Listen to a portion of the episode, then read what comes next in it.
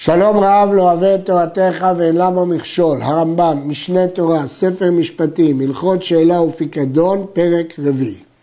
המפקיד אצל חברו בחינם ונגנב או אבד, הרי זה נשבע ונפטר. זהו שומר חינם, שנאמר וגונב מבית האיש ונקרב בעל הבית אל האלוהים אם לא שלח ידו ממלאכת רעהו.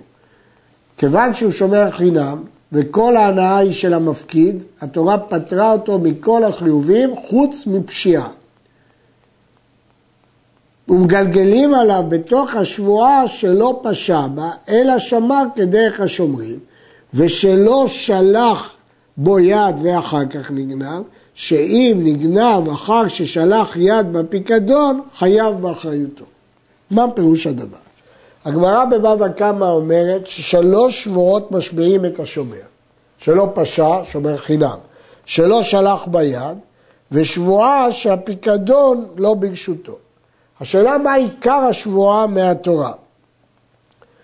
הרמב"ם מבין שעיקר השבועה שבתורה היא שלא פשע, ושבועה שלא שלח ביד מגלגלים, היא באה על ידי גלגול. אבל לשון הרמב"ם פה שמגלגלים שלא פשע.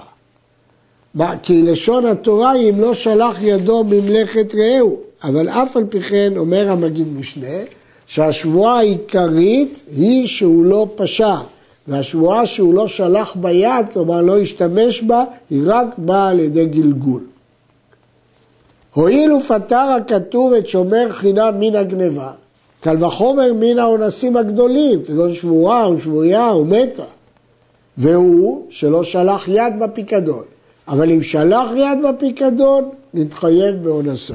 אדם ששלח יד בפיקדון הוא חייב אפילו באונסים. כיצד דרך השומרים? מהי רמת השמירה שהוא צריך לשמור? הכל לפי הפיקדון. יש פיקדון שדרך שמירתו להניחו בבית שער, כגון הקורות והאבנים. אם הפקידו אצלך קורות, אתה שומר את זה בבית שער. ויש פיקדון שדרך שמירתו להניחו בחצר, כגון חבילות פשתן של פשתן הגדולות וכיוצא בהן. ויש פיקדון שדרך שמירתו להניחו בבית, כגון השמלה וטלית וכיוצא בהן. ויש פיקדון שדרך שמירתו להניחו בתיבה או במגדל ונועל עליו, כגון מגדי משי וכלי זהב וכלי חסר וכיוצא בהן.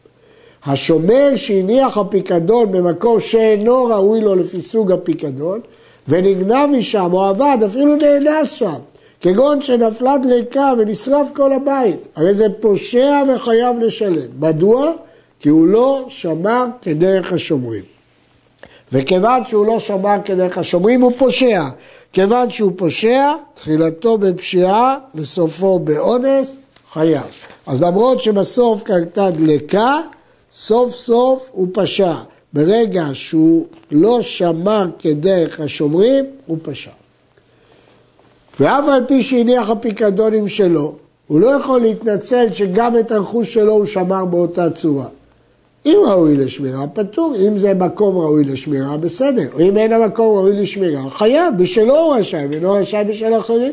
זה שאת רכושך אתה מסתפק בשמירה זוטרה, זה בעיה שלך, אבל רכוש שקיבלת לשמור, אתה חייב לשמור לא כמו את הרכוש שלך, אתה חייב לשמור כפי כללי השמירה של החפץ הזה. הכספים והדינרים אין להם שמירה אלא שיתמנם בקרקע. דרך הגנבים לחפש אחרי כספים בכל מקום. והשמירה היחידה שלהם בתוך הקרקע וייתן עליהם טפח עפר. או יתמנם בכותל בטפח הסמוך לקרקע או בטפח הסמוך לשמי קורה. או למטה בכותל או למעלה, אבל לא באמצע הכותל, שמא יחפרו שם הגנבים ויגנבו. ואפילו נעל עליהם כראוי בתיבה, החביא אותם במקום שאין אדם מכירו ולא מרגיש בו, הרי זה פושע וחייב לשלם. רק בקרקע או בתוך הקיר הוא יכול לשמור כספים. הוא מקצת המבינים שהוא הדין לכל דבר שמסעו קל ואין הקרקע מאבדת אותו במהרה, כגון לשונות של חסר, ואין צריך לומר לשונות הזהב, אבנים טובות ומרגליות, אין להם שמירה אלא בקרקע, ולזה דעתי נוטה. בהתחלה אמרנו שיש דברים שהוא מכניס לתוך תיבה ונועל, אבל כאן זה דברים שהאדמה לא מזיקה להם, אז השמירה צריכה להיות בתוך הקרקע, ואם לא, זאת פשיעה. המפקיד אצל חברו כספים ערב שבת בין השמשות. אינו חייב לטרוח ולקבור אותם עד מוצאי שבת, כיוון שהוא קיבל את זה רק בין השמשות. ואם להתאחר למוצאי שבת כדי לקוברם ולא קברם ונגנבו או נאנסו, חייב. אם הגיע מוצאי שבת והיה לו זמן לקבור וגם שם הוא לא קבר, שם הוא פושע כי היה לו זמן לקבור את זה במוצאי שבת. ואם תלמיד חכמים הוא, אינו חייב, עד שישהה כדי לקוברם אחר שיבדיל. אבל אם הוא תלמיד חכמים, אז הוא יכול לשהות זמן עד אחרי הבדלה. מי הוא תלמיד חכמים?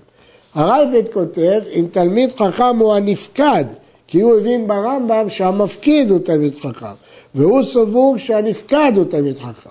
בגמרא כתוב, ויצור ומרבנן הוא, סבר דילמה מי באלזוזה להבדלתא.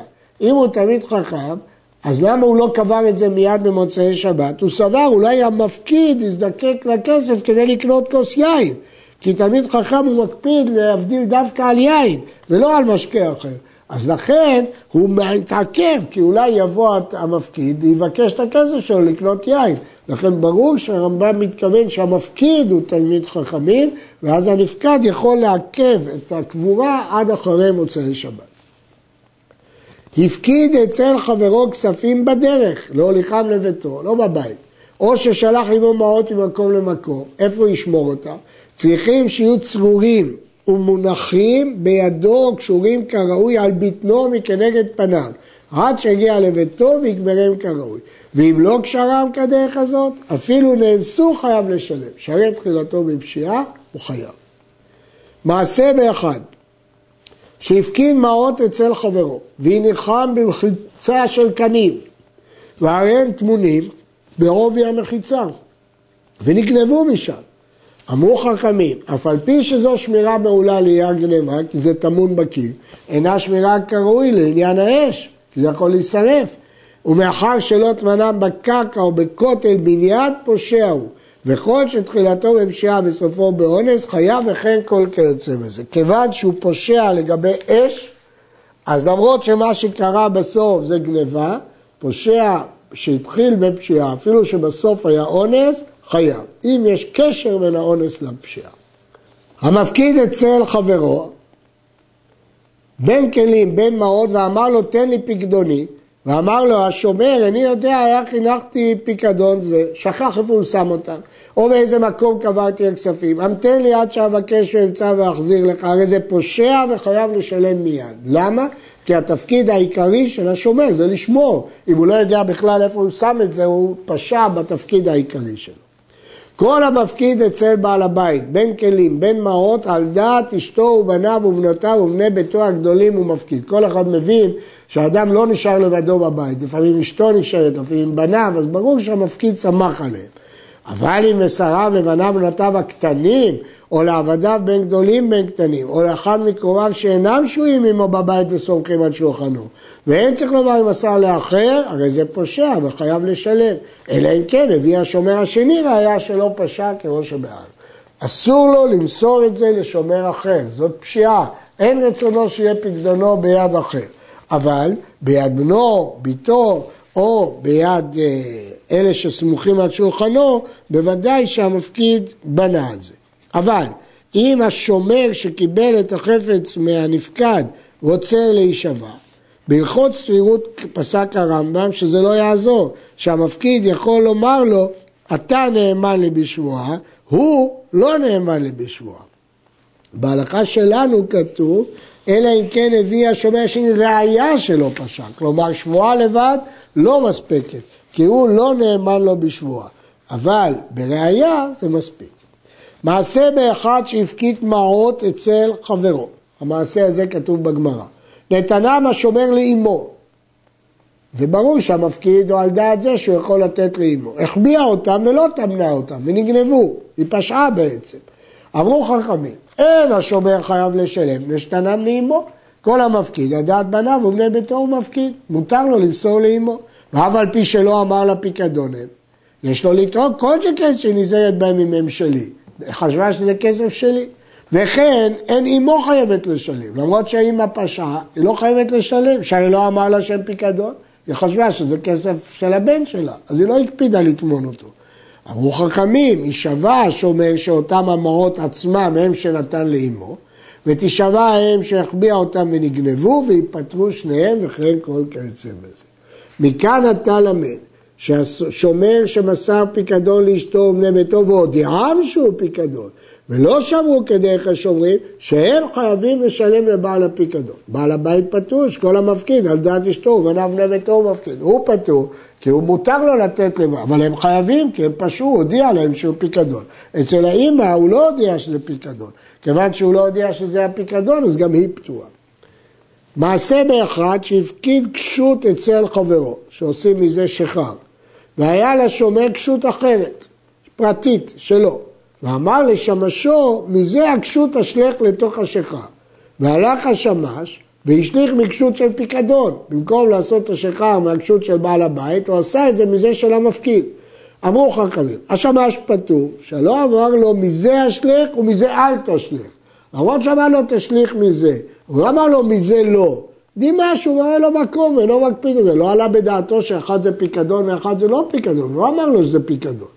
בעל הבית פטור, שאמר לו, מזה אשלך? אני בסדר, אמרתי לו, תשליך משלי. ואינו משלם, אלא דמי מה שנהנה בלבד. סוף סוף הוא נהנה מהשכר, את זה הוא צריך לשלם. לפיכך, אם נעשה השכר חומץ, הוא לא נהנה בכלל, פטור משלם.